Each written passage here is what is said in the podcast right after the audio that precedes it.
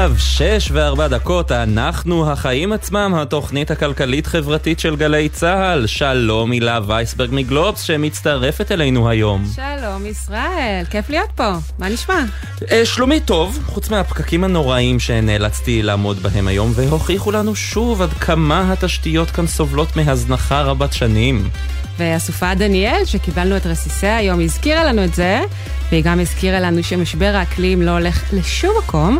נדבר על זה היום עם גלית כהן, לשעבר מנכ"לית המשרד להגנת הסביבה, וננסה לברר אם אנחנו ערוכים בכלל להתמודד עם ההשלכות של המשבר הזה. אני חייב להגיד שזה mm. באמת מפחיד אותי, המשבר הזה. בצדק. כן, חוץ מזה נציון היום 15 שנים לפריצה של משבר אחר, המשבר הכלכלי העולמי, נשוחח על כך עם דוקטור אלי קוק מאוניברסיטת חיפה. ואיך אפשר שלא לדבר על האייפון החדש שהוצג אתמול. ואני בכלל איש של אנדרואיד, אבל גם נתכונן לראש השנה היום, זה ממש עוד מעט, ומתברר mm-hmm. שמקום בבית כנסת זה עסק לא זול בכלל, אבל לפני הכל הילה, מה הכותרת שלך? אז לי יש כותרת ברוח ראש השנה, היא עוסקת בישראל, בישראלים, בצפיפות כאן בישראל. אתה יודע, אה, כמדי שנה, הלשכה המרכזית לסטטיסטיקה מפרסמת כל מיני נתונים מעניינים לגבי הישראלים, הדמוגרפיה, הכלכלה, אתה בטח מכיר את זה.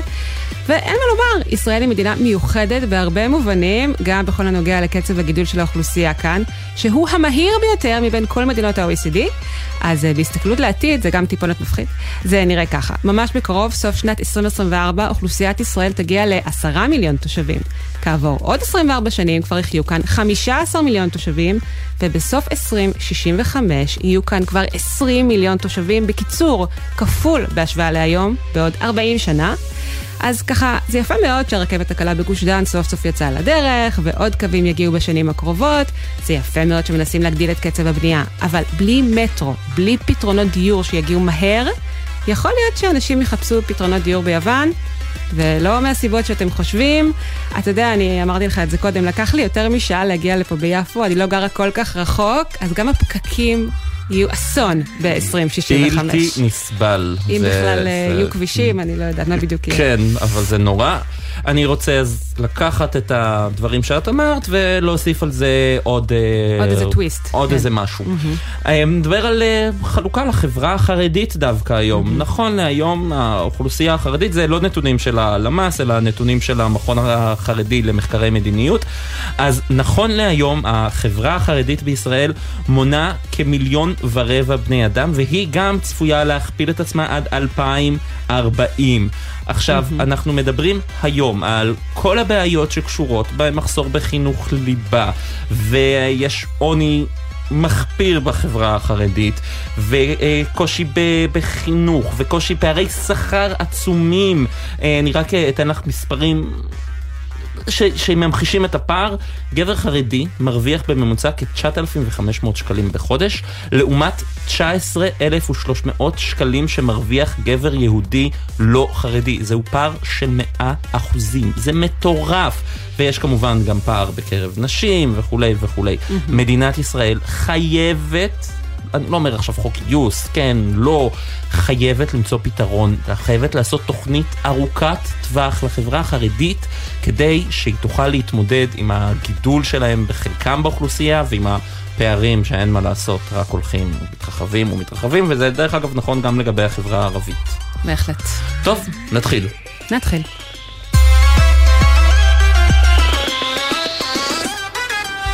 ציינת היום את הפקקים שעמדת בהם, גם אני עמדתי בפקקים, זה היה גשם די מוזר היום, טרופי משהו עם uh, אסופה כן. דניאל, אבל היא, כמו שאמרנו, מזכירה לנו את משבר האקלים. ראינו את הנזקים העצומים שאותה אסופה עשתה בלוב וביוון. Mm-hmm.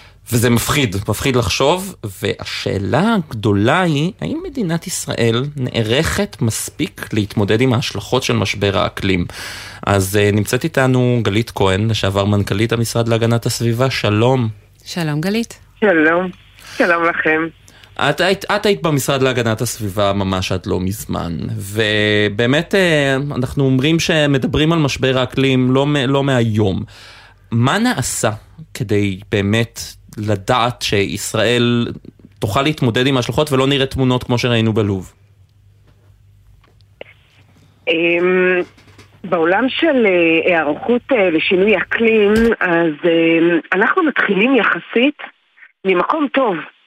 זאת אומרת, ישראל שב-75 שנותיה ידעה להתמודד ולפתח חוסן אה, להתמודדות עם המצב אה, הלא פשוט הזה, עם המחסור במים בעיקר, וייצרנו כאן אה, בסך הכל חברה ומדינה תוססת וטובה ומשגשגת. אמ, וזה מקום טוב שהתחלנו ממנו, אבל לא השתמשנו במקום הטוב הזה שהתחלנו ממנו כדי להגביר את החוסן שלנו, את החוסן האקלימי שלנו למול האתגרים שאנחנו אמורים אה, להתמודד איתם. כלומר, אנחנו מדברים על אתגרים, אנחנו לא מדברים למשל רק על הצפות ושיטפונות, אנחנו, יש עוד אה. הרבה מאוד אתגרים בהרבה מאוד תחומים שמביא איתו משבר האקלים. בהחלט. בהחלט. אני חושבת שאם הייתי אומרת את הדבר הראשון, בראש ובראשונה זה גלי החום. אנחנו בקיץ האחרון חווינו גלי חום מאוד ארוכים, אך לא היו בעוצמה אפילו הגבוהה ביותר. אנחנו הולכים לחוות יותר ויותר גלי חום. אנחנו זוכרים גם שבכל גל חום במדינת ישראל של 2022 ו-3, 45 אנשים מתים. מוות מיותר ומוקדם. זאת אומרת, אנחנו חווים את זה, ואני מדברת גם על השריפות. אנחנו ראינו עכשיו רק את השריפות בקליפורניה וביוון ובאוסטרליה ובקנדה, וגם אצלנו. גם אנחנו זוכרים אצלנו שרפות מאוד קשות, וזה גם תופעה שאנחנו צריכים עכשיו לכל אחד מהדברים האלה שמניתי, וכמובן עליית מפלס הים. אני, על כל אחד מהם צריך להכין תוכנית. חלקם יש תוכניות לנושא של אה, אה, התמודדות עם שרפות, לפחות יצירת אזורי חיץ, זו תוכנית שהכנו אותה, ואפילו היינו ממש בשלבים לתקצב להתחלת תקצוב שלה, צריך לבצע את זה. אותו דבר לגבי הנושא של גלי החום וההתמודדות איתם, אז רק דבר אחד קטן התחלנו את הביצוע שלו, של הנושא של הצללה בתוך המרחב העירוני ולהתמודד עם איי חום עירונים, אבל זה שאנחנו ראינו חייל שנפטר אה, כתוצאה ממכת חום רק לפני אה, לא מזמן, זה דבר שאסור שהוא יקרה, אין שום סיבה בעולם. זה רק מראה כמה ההיערכות שלנו עדיין רחוקה מאוד, מאוד. אה, אני יכולה לספר לכם שכן הצלחנו להעביר עוד גם בממשלה הקודמת החלטת ממשלה שכל משרדי הממשלה חייבים להכין תוכניות היערכות לשינוי אקלים. וזה קורה? 2023. זה קורה, גלית? אני לא יודעת לומר אם זה קורה. אוקיי. אני יודעת לומר שבוודאי לא כולם הכינו ולא בקצב הרצוי. אבל אני כן אומר משהו לטובת הממשלה אה, הנוכחית, שבאתמול העבירו את אה, חוק האקלים בוועדת אה, שרים לחקיקה, mm-hmm. וכולם מדברים על הנושא של היעדים, והיעדים לא השאפתניים וכולי, וזה נכון. יחד עם זאת, החוק הזה כולל גם הנחיה להכנת תוכניות היערכות לשינוי אקלים, ואני מאוד מקווה שעכשיו שזה בחקיקה ולא בהחלטת ממשלה, זה ידרבן את כולם לעשות את זה הרבה יותר מהר, בקצב הרבה יותר משמעותי וגם הרבה יותר... יותר עמוק. זהו. כי אם יש משהו שהורג אותנו, זה בוודאי האקלים. אז זהו, אז אנחנו למשל, אה, אמרת שכל משרדי הממשלה אה, הונחו להכין תוכנית להתמודדות עם משבר האקלים. אבל את, את יודעת מה, אנחנו מדברים גם למשל על משרד הרווחה, כי אחת הבעיות הגדולות שיש בגלי חום, אה, אנשים, מה שנקרא עוני אנרגטי. אנשים נכון. שאין להם יכולת להפעיל מזגן בזמן שיש גל חום שכזה. איך ממפים בעצם את כל הסכנות שאפשר, לה... שאנחנו צריכים להתכונן אליהן, להיערך אליהן? אז uh, התחלנו ת, תהליך uh, במשרד להגנת הסביבה כבר לפני uh, שנה וחצי מאוד מאוד מאוד גדול של הכנת מפות סיכונים. ומפות הסיכונים האלה הן ברזולוציה של רשויות מקומיות, ככה שזה יוכל להוות בסיס לסדרי עדיפויות, להבין איפה רמת הפגיעות הגבוהה ביותר. באמת התחלנו במיפוי של האוכלוסיות המוחלשות, אותן אוכלוסיות רווחה, לזהות איפה הם נמצאים. אגב, אה, בדרך כלל מבוגרים, ילדים, חולים וכולי, וגם שכמו שאמרת, לא יכולים, אין להם את הכסף להפעיל אה, מזגנים. ולראות אה, מתי יהיו אותם סיכונים של איפה אזורי האיי החום היותר משמעותיים, מתי זה צפוי לקרות, והמפות האלה יינתנו לרשויות המקומיות כדי להכין את הסדרי העדיפויות ולראות מה הדרכים להיערכות לזה, כי כמו שאמרת, אם, אם אין להם מפגן ואנחנו כמובן רוצים שהם ימשיכו לחיות, אז אנחנו צריכים לייצר מין מקררים כאלה, זה גם דברים שמכירים אותם בעולם, מין אזורים כאלה שהם יכולים לבוא, כמו מנהל קהילתי, יכולים לבוא ולישון שם לאורך הלילה, כי הבעיה המאוד גדולה היא בלילות, כאשר לא מתקרר אה, במהלך הלילה, זה יכול להיות מאוד מאוד מסוכן. ולכן לתת להם מקום שהם יוכלו להעביר את הלילה במקום קריר ונעים, זה בדיוק העבודה של משרד הרווחה, יחד עם משרד הבריאות של לאתר את האנשים האלה. ויחד עם לשכות הרווחה המקומיות. וזו רק דוגמה אחת קטנה, ותראו כמה זה מורכב מאוד אה, להכין את התוכניות האלה, לאתר את הדברים האלה. אני חושבת שהממשלה קודם כל צריכה לתת את המידע הזה, את, לייצר את הנתונים, לייצר את המפות. אי אפשר לחכות שהכל יהיה מוכן, וצריך להתחיל לפעול במקביל כל הזמן. אבל לרשויות המקומיות יש להן תפקיד מאוד מאוד חשוב כאן. אנחנו חייבים לומר לזכותם שבקורונה הם הראו שיש להם יכולת לתת את המענה, וכאשר נותנים להם את היכולות, או נניח את, ה, את הכלים לבצע את זה, הם יודעים okay. אוקיי. לעשות את זה, ואני חושבת שבדיוק אותו דבר אנחנו צריכים לעשות בהיערכות לשינוי אקלים. רציתי קצת לחדד איתך, גלית, את הקשר אולי בין באמת משבר אקלים לבין הכלכלה. אם אפשר אולי לאמוד את זה, או להסביר באמת את המשמעויות הכלכליות. למשל, לפי הפורום הכלכלי העולמי, הכלכלה העולמית עלולה לאבד 10% מהתוצר עד 2050, נכון. בגלל שינוי אקלים, פגעי מזג אוויר, שימוש עודף בחשמל, מחסור במזון.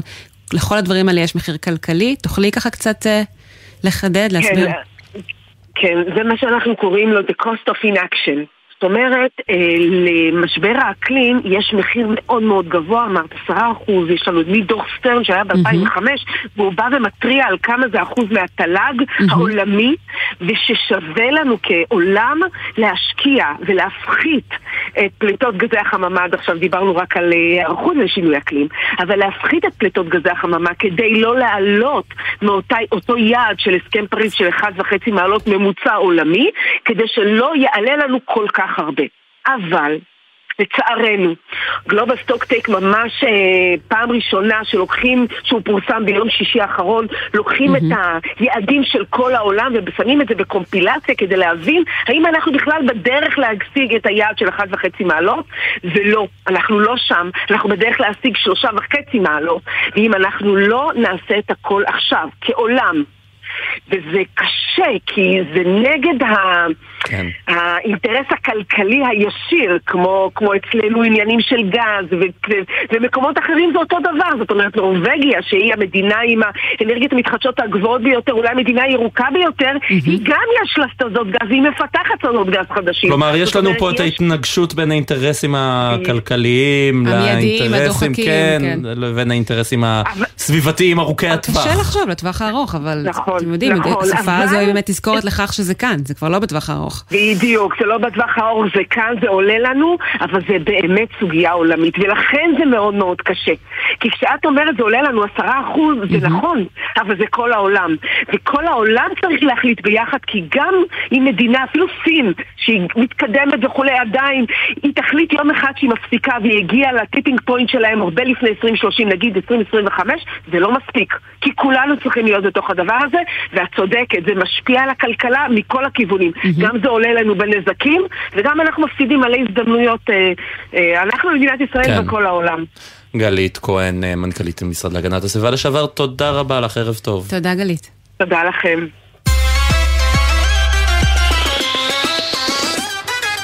אז אה, ישראל, ממש השבוע, בעוד יומיים, ה-15 בספטמבר, אנחנו מציינים 15 שנה לנפילת לימן בראדרס. וואו, איך הזמן טס. כן, דיברנו על זה רגע לפני שנכנסנו לפה, נכון? איפה היינו לפני 15 שנה? אני הייתי באלבמה. זהו, אמרת לי, אתה היית כן. באלבמה, אני הייתי אז אה, עורכת אה, מתחילה ב-TheMarker, וראיתי את הכותרות, וזה היה מבהיל. אז Lehman Brothers, בנק ההשקעות האמריקאי, שהקריסה שלו התניעה את המשבר הכלכלי הגדול בארצות הברית, המכונה sub. ואחר כך, ממש ככה כאבני דומינו נופלות גם את המשבר הכלכלי העולמי. סאב פריים הוא שם המשכנתאות שניתנו לאורך השנים לאנשים עם יכולת החזר אה, מאוד בעייתית, ועליהן אה, נבנו גם מכשירים פיננסיים מסוכנים, הם לא עברו רגולציה מספקת, זו הייתה ממש בועת נדל"ן שהתפוצצה בסופו של דבר. ועכשיו ננסה להבין מדוקטור אלי קוק, ראש התוכנית ללימודי ארצות הברית באוניברסיטת חיפה, אם אמריקה הפיקה לקחים, אם המשבר, אם משבר כזה עלול לקרות שוב, אבל לפני הכל נתחיל מ, מרקע על הסיפור הזה. היי אלי. היי, שלום. שלום. אז איך באמת הכל התחיל? אה, שם אה, תזכורת אה, קצרה. כן, אז אני חושב שיש נטייה לחשוב על באמת כל המכשירים הפיננסיים המסובכים, שזה גם חשוב, אבל mm-hmm. בסופו של דבר מה שקודם כל היה, זה בעיה מבנית בכלכלה האמריקאית, שאנשים למשך עשורים, השכר שלהם לא היה, הפערים גדלו, mm-hmm. אנשים לא יכלו לקנות בית, והפתרון בעצם של הניאו-ליברליזם אז, של האידיאולוגיה של השוק החופשי היה, בואו נוריד רגולציות, במיוחד על הבנקים, ובואו פשוט נשטוף את כל ה... כלכלה באשראי זול, וככה בעצם נשים פלסטר, במקום לפתור את בעיות המבניות של הכלכלה, ניתן לכולם אשראי, זה בדיוק מה שקרה. בהתחלה נראה mm. שזה עובד, כולם נהנו, אנשים שמרוויחים שכר מינימום בוולמארט אה, יכלו לקנות בתים, ואז לאט לאט גילו שבעצם הבעיה פה הייתה אה, מאוד גדולה, כי אנשים לא יכלו להחזיר את המשכנתה. הדבר השני שהיה פה זה בעצם שוול סטריט נכנסת ל Main Street, מה שזה אומר בגדול mm-hmm. שפעם, אם הייתי הולך לאיזה בנק מקומי, מסחרי, ליד הבית, אז אה, הייתי לוקח ממנו משכנתה, ואז המשכנתה הייתה נשארת on his books מה שנקרא. כלומר, הוא היה בעצם רוצה שאני אחזיר לו את המשכנתה, ולכן הוא לא נתן לכל בן אדם. אבל עכשיו הגענו לאיגוח של המשכנתות ומסחור של משכנתות. המשכנתות mm-hmm. עצמם הפכו להיות נכסים שכל הזמן מעבירים אותם, ואז מה שקרה... כלומר, אם אני נוטל משכנתה מבנק, בנק אחר, הבנק שלי, שממנו לקחתי את ההלוואה, בכלל מוכר את המשכנתה הזו לבנק אחר, את החוב הזה לבנק אחר. בדיוק. וול סטריט בעצם באו לכל הבנקים המקומיים, הם אמרו, כל בן אדם עם דופק שנכנס לבנק כן. שלכם, תנו לו משכנתה, כמובן אה, אתם תקבלו עמלה, ואנחנו כבר נדע מה לעשות עם המשכנתות האלה, יש לנו מתמטיקאים גאונים, אנחנו נחתוך אותם לכל מיני מכשירים פיננסיים, נוריד את הסיכון. וגם חברות הדירוג פישלו פה. בדיוק, בדיוק. נקבל את ה-A++ מכל חברות דירוג אשראי, כי מי רוצה פה לקלקל את המסיבה, ואז כמובן נמכור אותם לכל קרנות הפנסיה בעולם, ולמזלנו לא, לא בישראל, אבל בהרבה מקומות, וזה בעצם בסופו של דבר מה שמביא את הקריסה, שפתאום ב-2007 זה מתחיל, שאנשים לא יכולים פשוט לשלם את המשכנתאות, ובעצם מגלים שכל הנכסים האלה שחשבו שהם A++, הם מה שנקרא טוקסיק, הם זבל, לא שווים הרבה. אני אוסיף גם שבאותה תקופה הייתה מין באמת אמונה מאוד מאוד חזקה בשוק החופשי, שהשוק החופשי יסדיר את עצמו, שלא צריך אה, רגולציה יותר מדי נוקשה. אה, אלן גרינספן היה אז אה, נגיד הבנק המרכזי, ב-2008 בדיון ככה זכור בקונגרס, הוא אמר, טעיתי, הייתי המום, האידיאולוגיה שהאמנתי בה כל חיי התגלתה כלא נכונה. כלומר, האידיאולוגיה שהשוק החופשי תמיד תמיד יסדיר את עצמו. אז גם האמונה הזו התנפצה. צריך להגיד ש... זה גם הדמוקרטים, גם הרפובליקאים, ביל קלינטון הוא בעצם זה שהוריד את הרגולציות mm-hmm. הבאמת חזקות ששמו, אה, הכניסו בארצות הברית אחרי המשבר האחרון של 29, אז אה, אחרי המשבר הזה שמו רגולציות מאוד חזקות. גלאס טיגל. והם החזיקו mm-hmm. בעצם עד, כן, כן מה שנקרא גלאס טיגל, וזה החזיק עד בעצם סוף שנות ה-90, קלינטון הוריד אותם, ואחרי כמה זמן הגיע המשבר. אבל זהו, אז עכשיו אנחנו מסתכלים, 15 שנה עברו, יש לנו מספיק זמן כדי uh, uh, לבחון את זה uh, מנקודת מבט uh, היסטורית. ארצות הברית והעולם כולו למדו את הלקח? וצריך להכניס להם למשוואה הזו שניסו כן להכין רגולציה ב-2010. כן, לא, אז אני חושב שכן כן ולא. כלומר, אה, אתה יודע, ב-2010 הכניסו רגולציה, דאט פרנק של אובמה. הרגולציות האלה, אה, ממה שאני מבין מאנשים שמומחים בזה, הן רגולציות שלא מתקרבות לרמה של הרגולציות שהיו אחרי שנות ה-30, ועובדה שאנחנו עדיין רואים שהכלכלה האמריקאית לרובה נשלטת על ידי קומץ קטן של בנקים שהם מה שנקרא too big to fail. כלומר, בסופו של דבר הרבה אנשים חושבים שהבעיה המבנית הבאמת עמוקה, ש... ולא דיברנו על החילוץ שכל הבנקים האלה קיבלו, הלקח הזה לא נלמד כי בעצם המסר שהם קיבלו מה, מהכלכלה ומהחברה האמריקאית זה גם אם תפשלו שוב, בסופו של דבר משלם המיסים האמריקאי אה, יחלץ אתכם. אז אני חושב שיש רגולציות יותר טובות, הם בודקים ככה יחס רזרבה וכולי, אבל בסופו של דבר גם בכל מה שקשור לפערים באמריקה וגם בכל מה שקשור לכוח האדיר שיש לבאמת קומץ מאוד קטן של בנקים בוול סטריט, אה, אני לא יודע אם באמת אה, הופקו פה לקחים. יכול להיות שזה יכול לקחת. וכאן אנחנו נכנסים לפוליטיקה העכשווית, עד כאן שיעור ההיסטוריה, ועכשיו נכנסים לפוליטיקה העכשווית, כי חלק גדול, שנה בבחירות שם, חלק גדול מהסיפור שרוצה לספר המפלגה הרפובליקנית, זה שהחסמים של השוק האמריקאי, זה אותה רגולציה, אותן רגולציות שרוצים רק להסיר אותן, אותן רגולציות שכשהסירו אותן הובילו למשבר כלכלי. וב-2018 טראמפ שוב אה, החליט אה, לרופף את הרגולציה, בעצם את חוק דוד פרנק. כן. כן, אז קודם כל, ברגע שטראמפ קצת רופף את הרגולציות, ראינו את המשבר שהיה בסיליקון ואלי בנק, שהיה ישירות בגלל זה, אבל אני חושב שקודם כל התמונה היותר גדולה זה שבסופו של דבר, אה, כל העידן הזה של טראמפ, כל הימין הפופוליסטי, אי אפשר להבין אותו בלי להבין את המשבר של 2008. המשבר של 2008, הבנקים קיבלו חילוץ, אבל מיליוני אמריקאים איבדו את הבתים שלהם, היה אבטלה למשך שנים, אה, היה גם צנע, כלומר לא עשו מספיק אה, הוצאה ציבורית, לא הגדילו את ההוצאה הציבורית מספיק, ואמריקאים רבים פשוט איבדו לחלוטין אמון בשיטה האמריקאית, אפילו בקפיטליזם האמריקאי, ופשוט, אתה יודע, משבר של אליטות וכולי, ואנחנו יודעים לאן זה מוביל, זה מוביל אה, לניצחון של דונלד טראמפ על אותו ברק אובמה שבעצם ניהל את המשבר אה, ב-2008. ולכן, קודם כל אני רוצה להגיד את זה. לגבי מה שקורה עכשיו, הכלכלה האמריקאית, אף אחד לא באמת מדבר אה, על רגולציות, כלומר זה נושא שהוא קצת אה, עבר את זמנו, עד שלא יהיה את המשבר הבא כנראה הדיון הזה לא יחזור, היה, היום מדברים יותר על אה, סין, על גלובליזציה, על שאלות כאלה, mm-hmm. אבל מה שבטוח הכלכלה האמריקאית נראה שהיא במצב סביר, אבל זה לא עוזר לביידן בסקרים שהוא עדיין בתיקו עם טראמפ. אז זהו, אז איך, איך ביידן לא מצליח לגרוף את הקרדיט על, על ההצלחה הכלכלית של, שלו באופן יחסי? אני אתן לך דוגמה אחת, אוקיי? ביידן שהוא נכנס לתפקיד, העביר חבילה באמת מדהימה שהגדיל את הקצבת ילדים בצורה משמעותית, חתך בחצי את העוני בילדים בארצות הברית, משהו מדהים. אבל מה?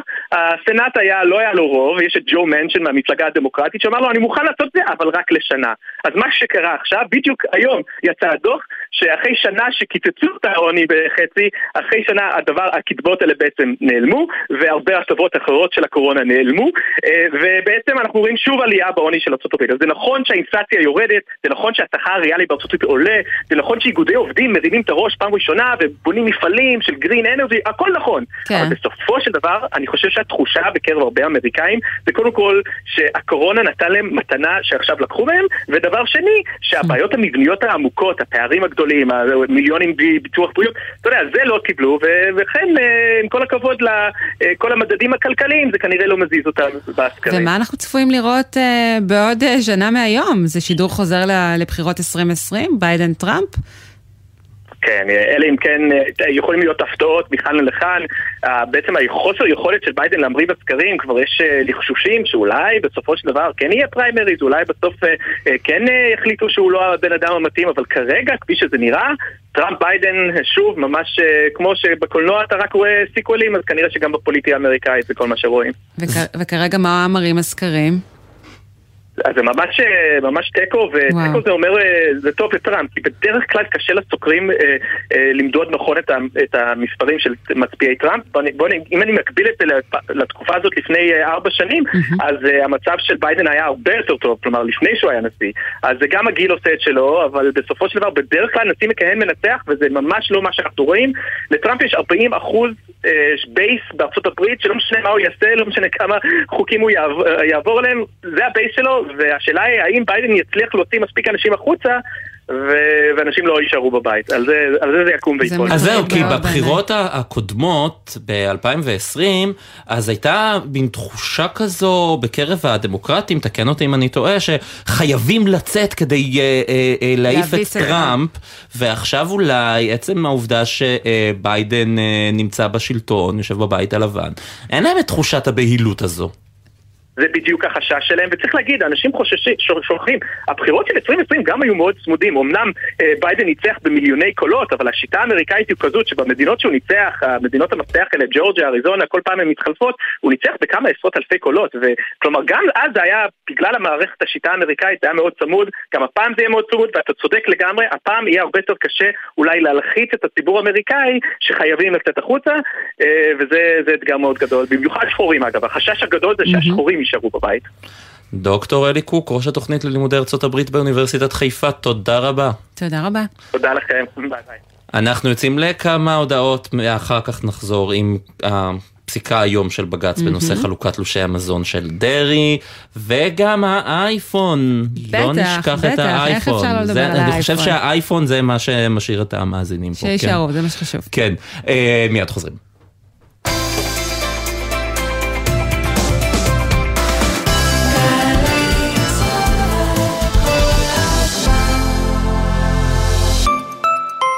שלום, כאן אביב אלוש. 50 שנה עברו מאז אותו יום כיפור כשבו רעדה האדמה תחת רגלינו. 50 שנה מאז הביאה גבורת הלוחמים לניצחון במלחמה.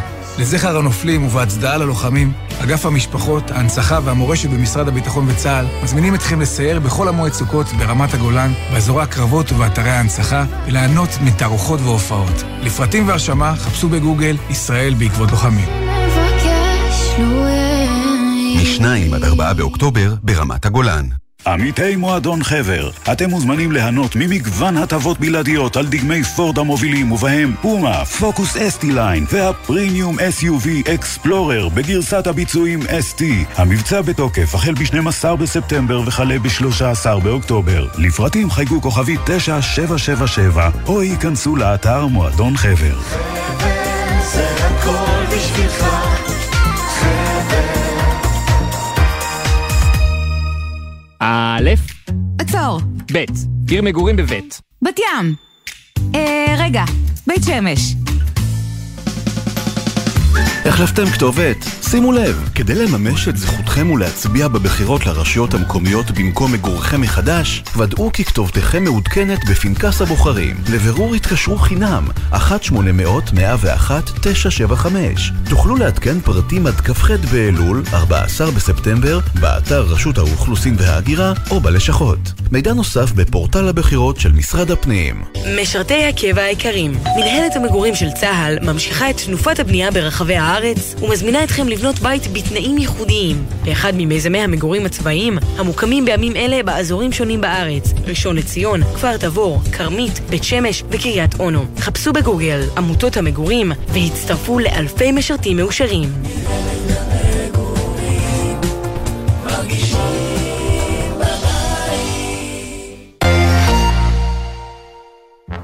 יודע שבשש... בטח שאני יודע שיש בש. משחק לוח, שחורים ולבנים. דיברתי רק על שש. מה שש? שישה סדרי משנה, כלא שש, כביש חוצה ישראל. לא, נו, שמונה עשרה אפס אפס. שמונה עשרה, חי. שש בערב, בשעון. השעה החדשה של התוכנית שלנו. את זה אתה צריך להכיר. מה?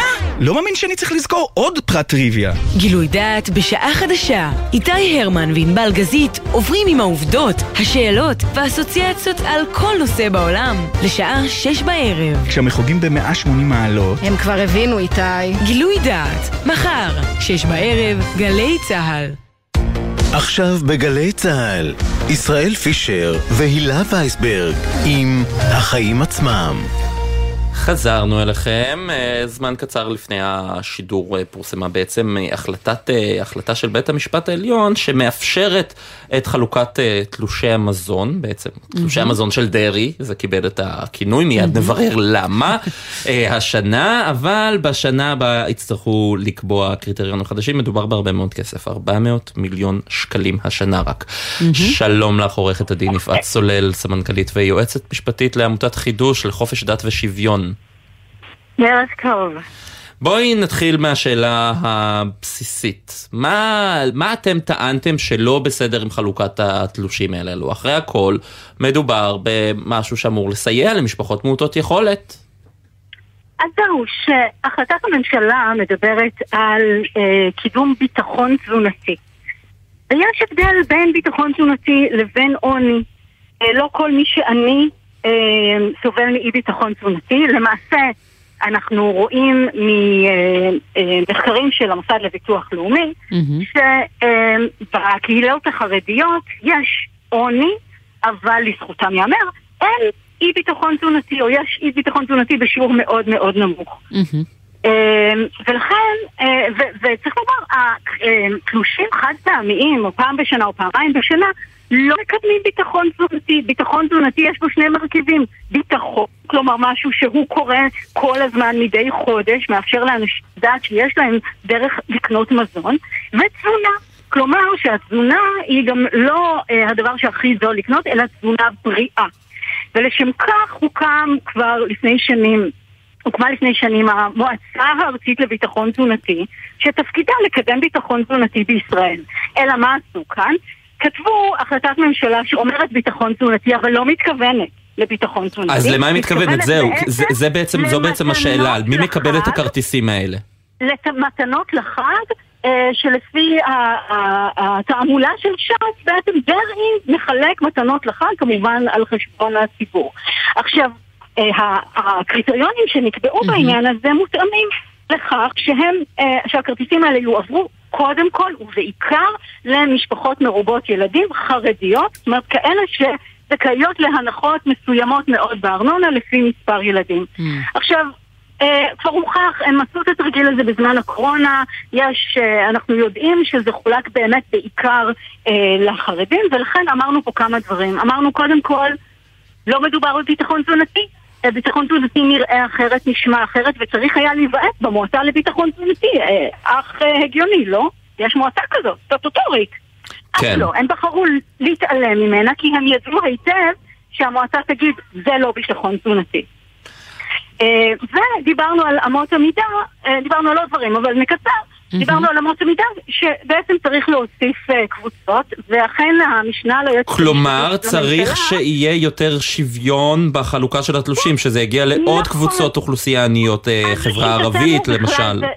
נכון, לשיטתנו בכלל לא צריך תלושים, צריך שזה ייכנס למיזם לביטחון תזונתי, שהוא באמת מקדם ביטחון תזונתי, נותן לאנשים גם סלים של פירות וירקות, ונותן משהו שהוא קבוע, ומסייע להם לתכנן את ההתנהלות הכלכלית שלהם. אבל אמרנו, גם אנחנו אמרנו, יש לומר, כיוון שאנחנו בספטמבר, וכיוון שהתקציב, החלק הזה של התקציב הוא 400 מיליון שקל ל-2023, אה, אה, גם אנחנו לא רצינו שהכסף הזה אה, ייעלם או יחזור בחזרה לאוצר. המדינה הזאת גם ככה לא נותנת מספיק לאנשים חלשים. אבל אמרנו, לפחות צריך לתקן את הקריטריונים באופן שיהיו יותר שוויוניים.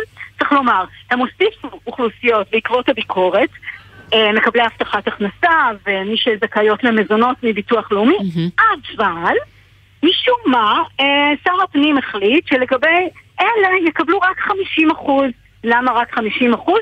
אין לי מושג, הם לא הביאו שום דבר ש... זאת אומרת, הם לא הביאו שום דבר שיצדיק את ההחלטה הזו להעביר רק 50 אחוז.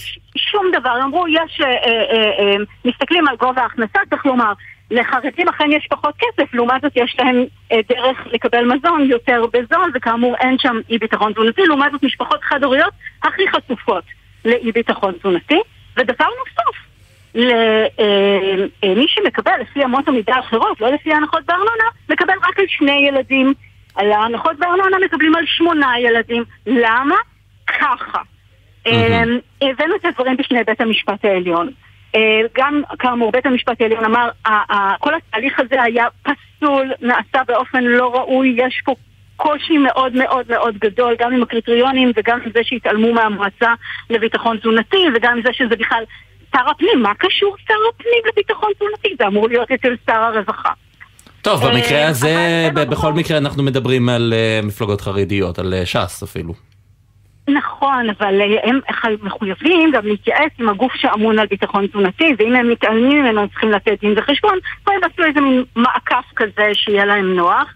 אה, צריך לזכור, גם יש להם, יש בחירות מעבר לפינה. בחירות אה, אה, מקומיות, כן. נכון, וזה מחולק באמצעות הרשויות המקומיות. אה, אז פתאום עכשיו התושבים יכולים לקבל מראש העיר שלהם כן, מתנה לקראת כן, הבחירות עם מכתב יפה. בדיוק, אז אומרים לי שזה לקראת החגים, ואני מבינה, אבל צריך לומר, קמחא דפסחא יש סעיף אחר בתקציב. אבל עוד פעם, בית המשפט אמר, זה לא תקין, זה לא בסדר. אנחנו נמנע את ההמשך של הדבר הזה, וה-600 מיליון שקל שמיועדים ל-2024 כבר לא ייראו ככה. הם גם אה, לא הסכימו לבקשת המדינה בעצם לסגור את ההליך המשפטי בזה שיחלקו היום ולגבי 24 נפתח הכל מחדש, הם אמרו לא, אנחנו רוצים להיות עם היד על הדופק, תעבירו לנו בזמן, מראש, איך אתם רוצים לעשות את זה, מה הולך להיות כדי שנוכל אה, לנהל את זה באופן אה, מבוקר. לגבי 2023, אנחנו קיווינו שבית המשפט יתערב יותר ובאמת אה, יתקן את העוול הנוראי, הנוראי הזה כלפי משפחות עובדות, שכיוון שהן עובדות אז אה, נותנים להן פחות, ונותנים לפחות מהילדים שלהן, שזה באמת בלתי נסבל.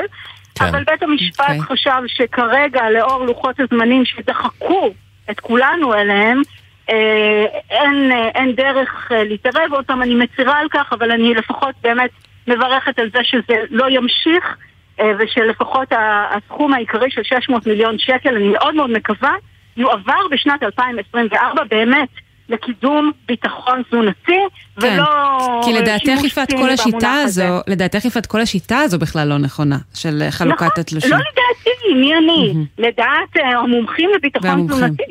כן. עורכת הדין יפעת סולל, סמנכ"לית ויועצת משפטית בעמותת חידוש לחופש דת ושוויון, תודה רבה. תודה. תודה לכם. טוב, הבטחנו לדבר על האייפון, נכון? ברור, אני של אנדרואיד, אני אומר את זה בקול, ברק אה, המפיק שלנו פה מאחורי הזכוכית יהרוג אותי אחרי השידור, אבל אני של אני אנדרואיד. גם הייתי, אבל עברתי המרה, ונדבר על זה אחר כך.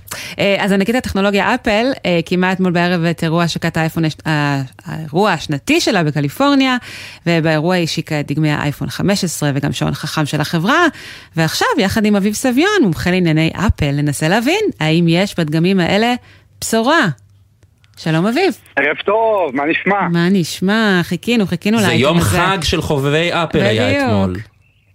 חביבי, אתה, לא יודע מה, מתגאה בכך שאתה הולך עם אנדרואיד, אבל אני לא אני לא זה מתבייש. בזה אפילו לא לרגע. אין להפך, אני. מזלזל באנשי אה, אייפון, אבל זה משהו אחר.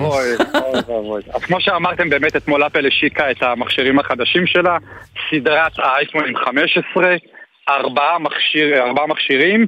אני אגיד את זה מהסוף להתחלה, אותה הגברת בשינוי אדרת, עם שינויים קלים. סדרת האייפונים 15 ו-15 פלוס עכשיו התחפשו לאייפונים 14 פרו שקיימים, עם כמה שינויים קלים, והציגו את האייפון 15 פרו ואת האייפון 15 פרו מקס שלראשונה מגיעים עם מחברי Type C. מחברים, רגע, למאזינים, זה המטען. עכשיו אתה תוכל אה, לחלוק מטען עם אה, אנשי גלקסי הנחותים. כבר אין נכון, אין יותר את לתפור. השאלה הזו, למי יש מתן לאייפון? זו אין, המשמעות. נכון, לא יהיה יותר, כולם זה אותו, אותו המתן. מלבד כך, המסגרת של האייפונים, אה, דגמי הפרו, לראשונה עשויים מחומר טיטניום. למה זה נהדר? כי סוף סוף המכשירים יהיו מאוד מאוד קלים. טיטניום זה המתכת היום הכי חזקה בעולם, והיא גם מאוד מאוד קלה, וזה נהדר. חוץ מזה, מעבד יותר מהיר, מצלמות יותר טובות, סוללה קצת יותר טובה, אבל אין בשורה אמיתית. זהו, זה לא נשמע לי איזה משהו דרמטי. משפרים פה, לא, משפרים לא שם. דרמטי בכלל. רגע, אתה תחליף, אתה תשדרג? שמע, אני, חברים שלי קוראים לי כבש. אני, גם אם אפל רק תוסיף, לא יודע מה, עוד פס קטן למסגרת, אני משדרג. אני אבל מכיר אה, אני לא כאלה, דוגמה. זה- כן. אבל או, יש עוד משהו, יש אמיתי. עוד סוגיה. אה, למה אנחנו, הלקוחות אה, פה בישראל, אני לא אוכל למשל לנסוע עכשיו לארצות הברית ולהביא לי משם אייפון כשאני קונה שם, נכון? נכון, אתה צודק לגמרי. אה, האייפונים היום בארצות הברית נמכרים רק עם אופציה של אי-סים. נסביר רגע, אי-סים זה סים אלקטרוני שהוא בילד-אין בתוך האייפון ואין מקום להכניס סים פיזי. לצערנו, במדינת ישראל, הספקיות הגדולות שהן פרטנר, סלקום, פלאפון וכל הגדולות לא תומכות בזה מבחירה. למה? כי זה נוח להם לסחוט את הלימון עד הסוף, שלא לעבור מאחת לשנייה בקלות, ולכן בארצות הברית המכשירים נמכרים רק עם הטכנולוגיה הזאת שהיא מאוד מאוד מתקדמת ולא מיושנת כמו, כמו הסים הפיזי. אנחנו מאוד מקווים, מאוד מאוד מקווים, אני כבר אומר את זה שלוש שנים, כן? כי הטכנולוגיה קיימת בישראל אבל לא הפעילו אותה באמת. אולי ספקית קטנה כזו או אחרת משתמשת בזה. מאוד מקווים ששר התקשורת, שאיזה חברת ענק כמו אפל תכריח את הספקיות לעשות את זה ואנחנו בתור צרכנים מאוד מאוד נהנה מזה. אנחנו נהנה מזה מעוד סיבות, כאילו, למי שיש לו היום אי-סים בטלפון, הוא יכול כשהוא טס לחו"ל, הוא לא צריך לקנות חבילה מהחברה שלו, והוא לא צריך לחפש את הדוכן אוקיי. של הכרטיסי סים. אתה משתמש, מתקין אי-סים, קונה חבילה בכלום כסף, ויש לך יכולת לגלוש בחו"ל. מה אתה אומר? כן, כן, אני אראה לך אחרי השידור איך עושים את זה, זה. מדהים. אז רגע, רק נאמר, רק נאמר שהמכשירי האייפונים תומכים באי-סים, אבל גם בסים פיזית. זאת אומרת, גם סים פיזית Mm. אחד, וגם אי-סים בנוסף. בעוד בארצות הברית אין מגירת סים, אפשר לשים שני כרטיסי אי-סים במקביל, וזה מדהים. אביב, בוא לא נדבר על ה... כן, סליחה, רצית לציין, כן? שגם אפל השיקה אתמול שעונים חדשים, Mm. שעון סדרה 9 ושעון אולטרה 2, שזה מכבסת מילים יפה למספרים, כי באמת אין כמעט שינויים בשעונים מהדור היוצא שזה דור 8 והאולטרה. לדוגמה, אם שאלת אם אני הולך לשדרג, אז נגיד את השעון אולטרה 2 אני אחשוב פעמיים לפני שאני נו. באמת, אביב, מה זה? ואתה קורא בכל לעצמך מעריץ. זה אייפוני. אז רציתי לשאול אותך, אביב, על המחיר של הטלפון. כן. כן, אז תמיד חשבנו שהמחירים יעלו, כולם דיברו על זה, וההערכה הייתה שהמחירים יעלו, גם אינפלציה בעולם, וגם אפל משתמשת בחומר מאוד יקר שנקרא טיטניום, וההפתעה, אני יכול להגיד, ההפתעה היחידה שהייתה, שהמחירים לא עלו. אוקיי, בחו"ל המחירים נשארו אותו דבר. לצערי הרב בישראל, כן. סביר להניח שהמחירים יעלו כי השקל מאוד מאוד נחלש. בדיוק. וביחס ביחס ללפני שנה, השקל מאוד חלש מול הדולר והיורו, ואנחנו צופים עלייה בערך של עשרה... אנחנו מדברים על יותר מתשעה אחוזים שהשקל נחלש מול הדולר מתחילת השנה, אבל אה, כן. אבל מי סופר? נכון, וזה כן. קצת מבאס. ודרך אגב, בהקשר לאייטם קודם שלכם, על איכות הסביבה וכאלה, אז גם אפל אתמול הציגה, עשתה וידאו מאוד מעניין. כמה היא מנסה לתרום לסביבה וכמה היא מנסה למחזר כל דבר ואתמול גם אפל הראשונה הודיעה שהיא נפ- היא נפרדת ממוצרי האור שלה, אין יותר קייסים לאייפונים מאור, אין יותר רצועות לשעון מאור, היא מאוד מאוד שמה דגש על איכות הסביבה, למחזר הכל, אפילו סוללות שיוצרו מחומרים ממוחזרים, כל השעון עצמו מיוצר והאייפון מחומרים ממוחזרים. מדהים. אפל שמה על זה מאוד מאוד דגש ענק, וחברה ענקית שכזאת עושה דבר כזה, זה מדהים מדהים מדהים. חברות מתגאות כן, כיום, גם הגיע, אמזון זה כן. השאלה אם זה גרין וושינג או לא, אבל אה, זה, אבל עצם כן. זה שחברות מדברות על זה ומתגאות, זה מתחרות אחת השיח בשנייה, חשוב, כן. על השיח בנושא של איכות הסביבה בעיניי זה מבורך וטוב. אביב סביון, תודה רבה. תודה, אביב. תודה רבה, חג שמח ושנה חג טובה. שמח, שנה חג טובה.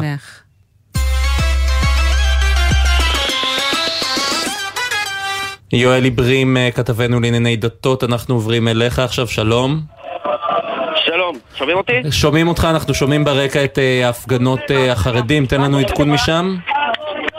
נכון מאוד, אז אה, באמת אה, כעת אה, בכניסה לעיר ירושלים, גם בסמוך למרכז הרב, קריית משה, מאות מפגינים חרדים מהפלג הירושלמי חוסמים את הכביש, גם רכבת הקלה כאן תקוע פקקי ענק וחסימות מאוד גדולות כאן במקום, כוחות משטרה גדולים מתעמתים עם המפגינים, כל זה במחאה על מעצרו של תלמיד ישיבה בן 19 אה, תלמיד ישיבת אה, פונוביד שלא התייצב בלשכת הגיוס, אה, הוא נחשב עריק.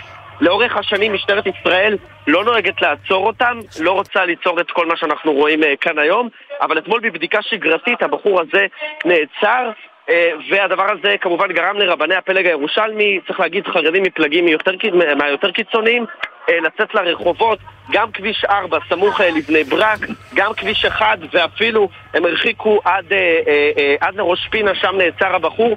בכל המקומות הללו יש מוקדים של חסימות של אה, אה, אה, מאות חרדים שמצהירים נמות ולא נתגייס.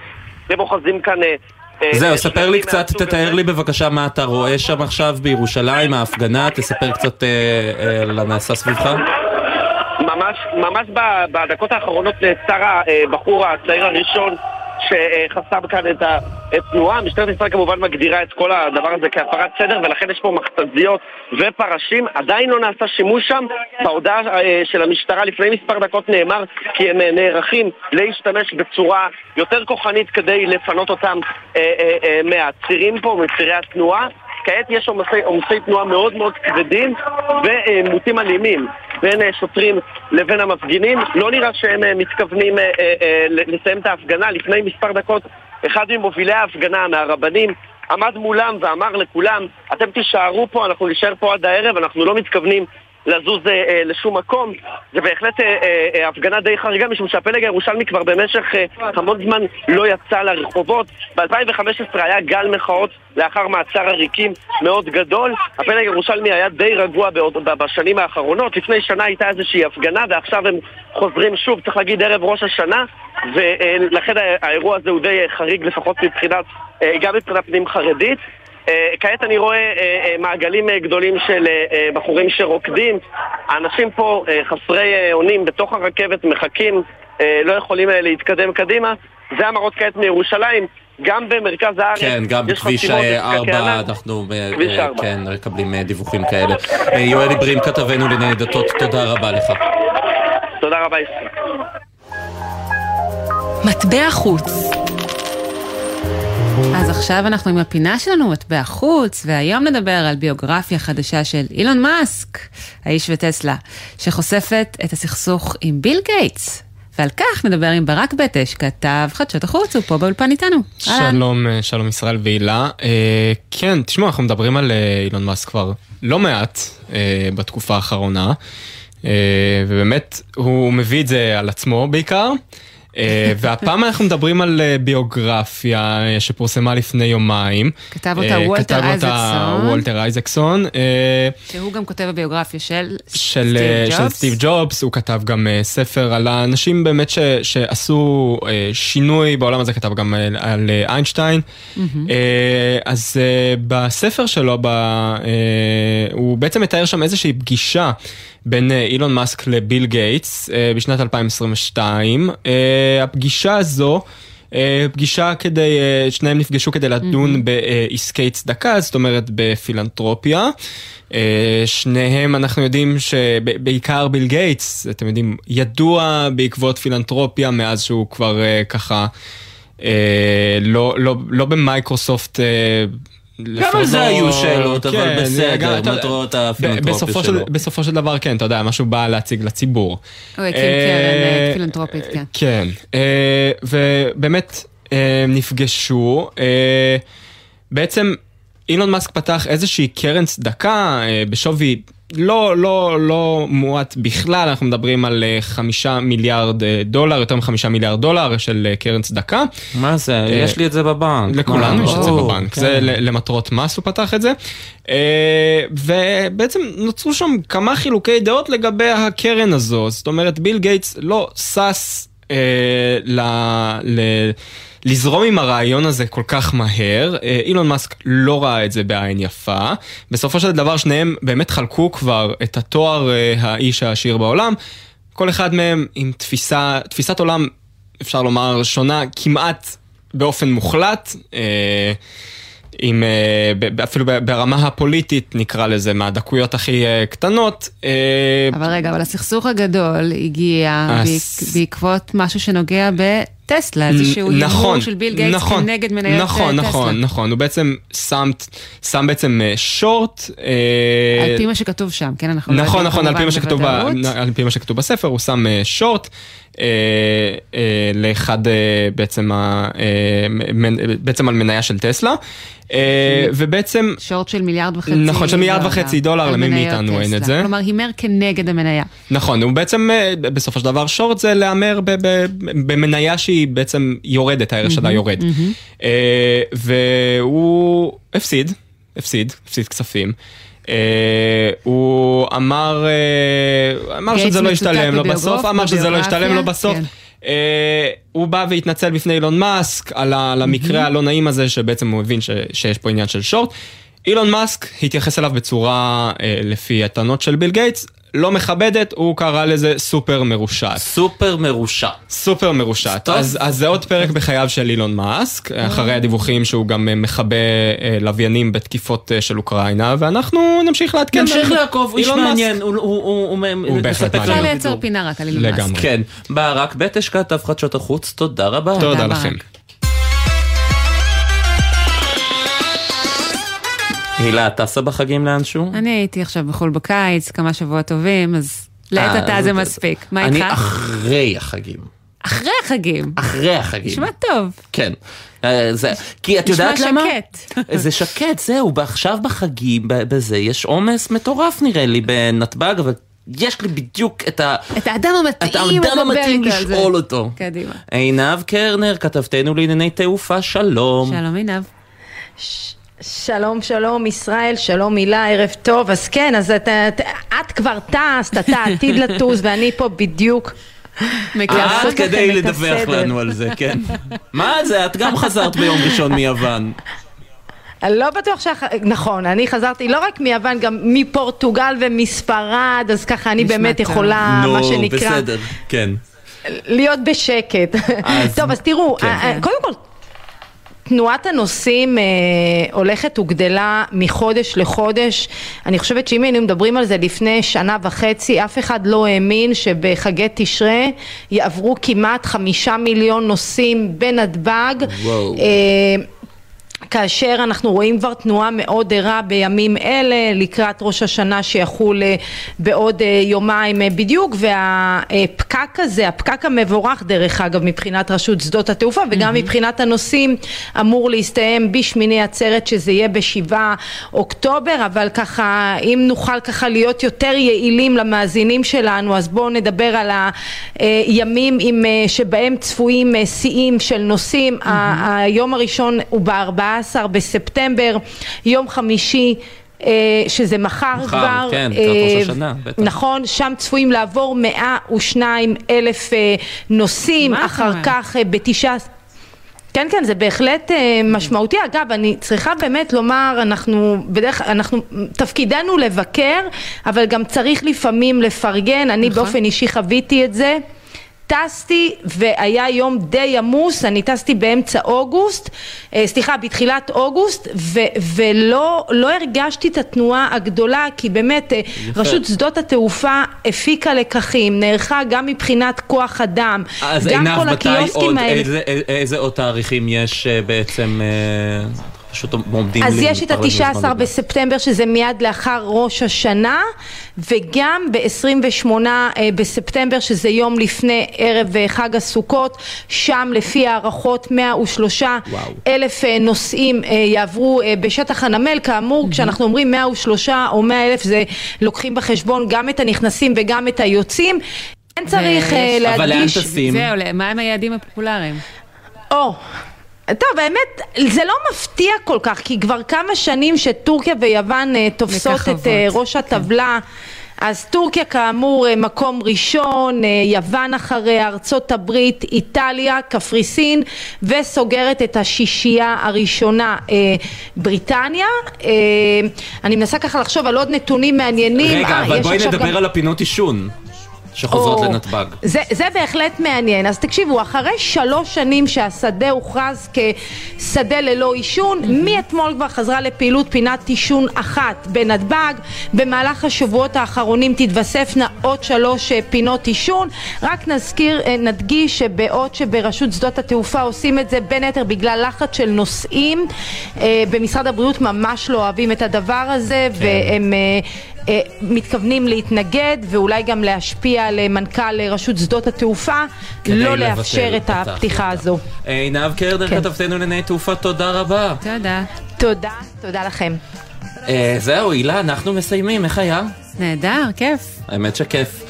אה, נגיד תודה אה, גם לשני שטיבלמן וברק פטש, שהיו המפיקים שלנו, ליאם גל היה על הביצוע הטכני. בפיקוח הטכני אילן גביש, עורך הדיגיטל שי ישראל, ומיד אחרינו רצועת הביטחון, טלי ליפקין שחק. שנה טובה ומתוקה. שנה טובה ישראל, שנת אה, שלווה, מה נאחל? שנה כן. רגועה. שקט. שקט ובלי הרבה חדשות שנעשה רק אייטמים מגזינים חמודים. יאללה, אייפונים, כן. יאללה, להתראות. להתראות.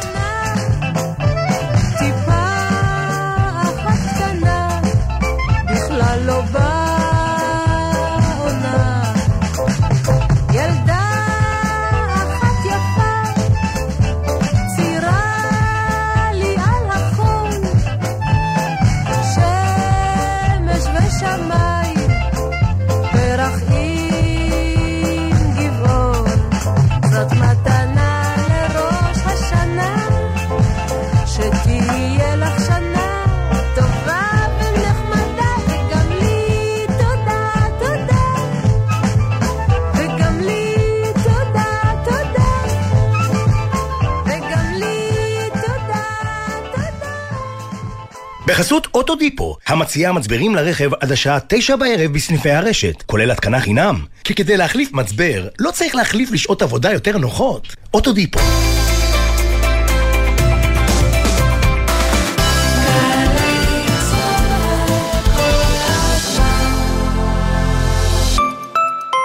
מהאולפנה והתיכון למשרד הביטחון. אנחנו מבטיחים לך תפקיד איכותי ועתיד משמעותי בליבת העשייה הביטחונית של מדינת ישראל. מצוינות וציונות הן אצלך בנשמה? בואי לשירות לאומי משמעותי במשרד הביטחון. במגוון תפקידי סבר סייבר, טכנולוגיה, הדרכה, לוגיסטיקה, משאבי אנוש ותקשורת. ותוכלי להיות חלק מן העתיד הביטחוני של המדינה ושלך. ההרשמה לשירות הלאומי החלה. פרטים באתר עמותת של שילה, עמותת בת עמי, עמותת שלומית שילת ומשרד הביטחון.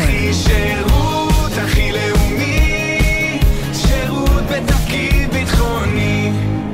תקה שקה, טוב שפגשתי אתכם. קיבלתי חשבון חשמל, אתם יכולים להסביר לי פה משהו? תתקדם, חזקיה, שלח וואטסאפ. וואטסאפ?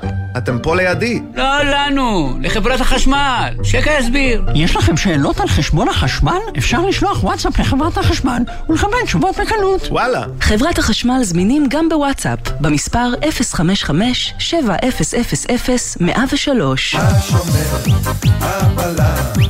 הבלמח ההגנה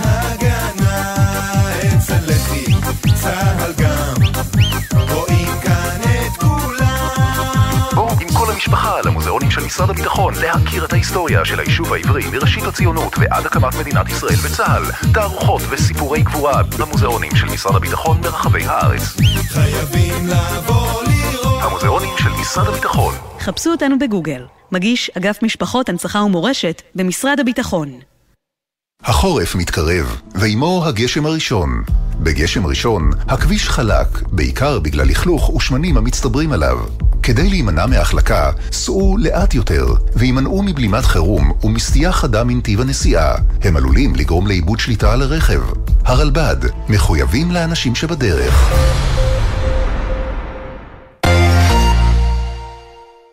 לציון יובל למלחמת יום הכיפורים. גלי צה"ל חוזרת אל הסדרה הארכיונית המרתקת "אני נשבע לך". תת-אלוף בדימוס אביגדור קהלני, גיבור ישראל, יושב לשיחה פתוחה מלב אל לב עם לוחמים, נכי צה"ל ומשפחות הנופלים. מלחמה שהשאירה אלפי לוחמים פצועים בגופם וחלק גדול פצועים בנפשם. אני נשבע לך, שיחות מלחמת יום הכיפורים. ראשון עד חמישי, שמונה בערב, גלי צה"ל.